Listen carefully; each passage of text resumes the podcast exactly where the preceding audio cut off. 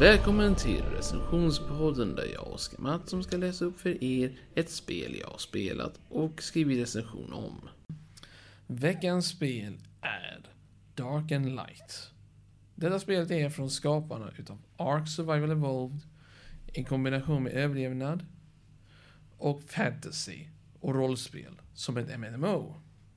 Vilket var ganska medelmåtta. För det gick inte så bra som det låter. Detta spel gjordes uh, ungefär några år, något år efter Early Access-tiden på Ark tog slut, vilket var 2017. Utav Snail Games USA. Hmm. Ja. Spelet är med magi och andra ting, vilket betyder att du kommer kunna använd, möta varelser som inte passar in i en normal värld, som till exempel gripar, stentroll, kentaurer.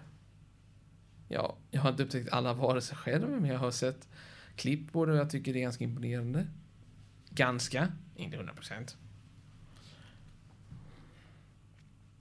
I början får du välja mellan olika raser. Som till exempel alver, Estelle, dvärgar, Ironfast, eller människor, Talos. Okej. Okay. Har de spelat Skyrim för mycket eller vad fan? Ja, i alla fall. Varav de unika namn är huvudstädernas namn. Det vill säga namnen på varje folkgrupp har olika städer. Dessa städer spanar du in i, så du måste välja din ras, vilket gör det väldigt tråkigt. Tycker jag, eftersom att du får tvungen att välja direkt i början. Och sen kan du gå till en andra stad och vara där liksom en stor, kort stund och säga Hej kompisar, ni som är dvärgar, ni som är kuddar, för... Och sen säger man om man är alv så är det bara, ja de är korta. Det blir inte roligt, detta spelet. Inte på många punkter. Jag menar, en dvärg som bor i en stad med människor, det passar inte in. Eller tvärtom, en alv som bor i en, sta- i en underjordisk stad. Det passar inte in. Till skillnad från det spelet så börjar man på nivå 1. Och med stor skillnad är att ARK samlar du in poäng som ger dig levlar för att uppgradera dina engrams eller mer eller mindre din skicklighet, alltså din evolution. Så här utvecklas du genom levlar som till exempel en RPG. Du får samla XP genom att lära dig grejer. Detta är som Skyrim. Bas Skyrim, alltså du, du utvecklar genom att du gör saker som ger dig XP, som sin tur levlar dig.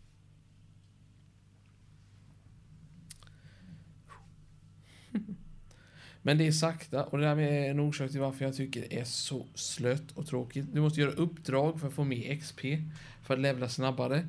Du måste göra det här, du måste göra det där. Det, det känns som att du, det är någon som håller dig i handen hela tiden och säger liksom okej, okay, nu gör du det där.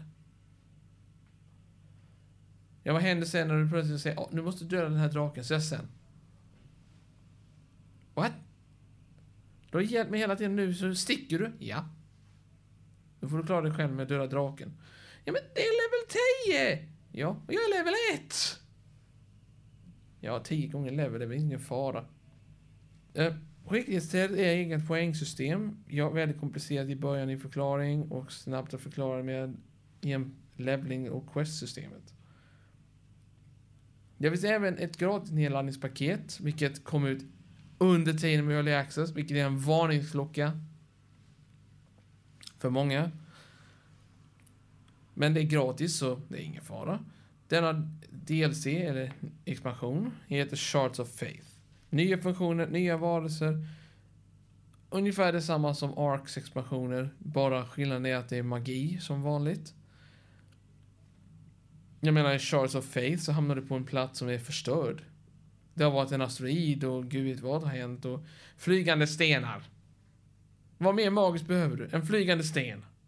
Dit upp vill jag bygga ett hus. Kan jag göra det? Ja. Är det värt det? Nej. Du, du ramlar ner. Du dör, du spanar in, du upptäcker, jag glömde sätta dit repstegen.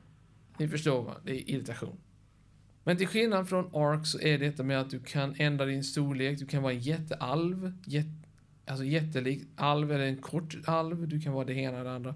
Det är helt otroligt, det är samma funktion som i Ark. Där du kan vara liten, kroppsbyggd person med muskler som är jättelika som bara, ja, det, det är konstigt men ja, Ark tillåter det. Dark and Light tillåter det också. Ja, mitt betyg för detta spel, ja det blir en lite kort förklaring för jag har inte spelat ut så mycket av detta men det är väldigt mycket mer komplicerat. Mitt betyg är 6 av 10, ungefär samma som Ark. Det är mycket mer beroende, för, ungefär detsamma som Ark i alla fall, men det är mycket mer behov att det skulle kunna bli bättre. Men det blir nog inte bättre. Eftersom att skaparen har lagt denna på hyllan, vilket jag gör, känner mig ledsen. För jag köpte spelet för fullpris. Nu har de ändrat priset sänkt ner med 10 euro. Ni förstår hur ilsken man blir. Rekommenderar spelet? Jo, om ni har några kompisar som vågar verkligen spela detta. Det är inte lika stort som Ark. Det ser jag nu, en förvarning. Det kanske är 72 gig. Om ni har tur. Men med Shards of, med Shards of Faith så är det ökar med 20 gig. Resten av spelet använder de delarna utav som finns redan i basspelet. I vilket fall.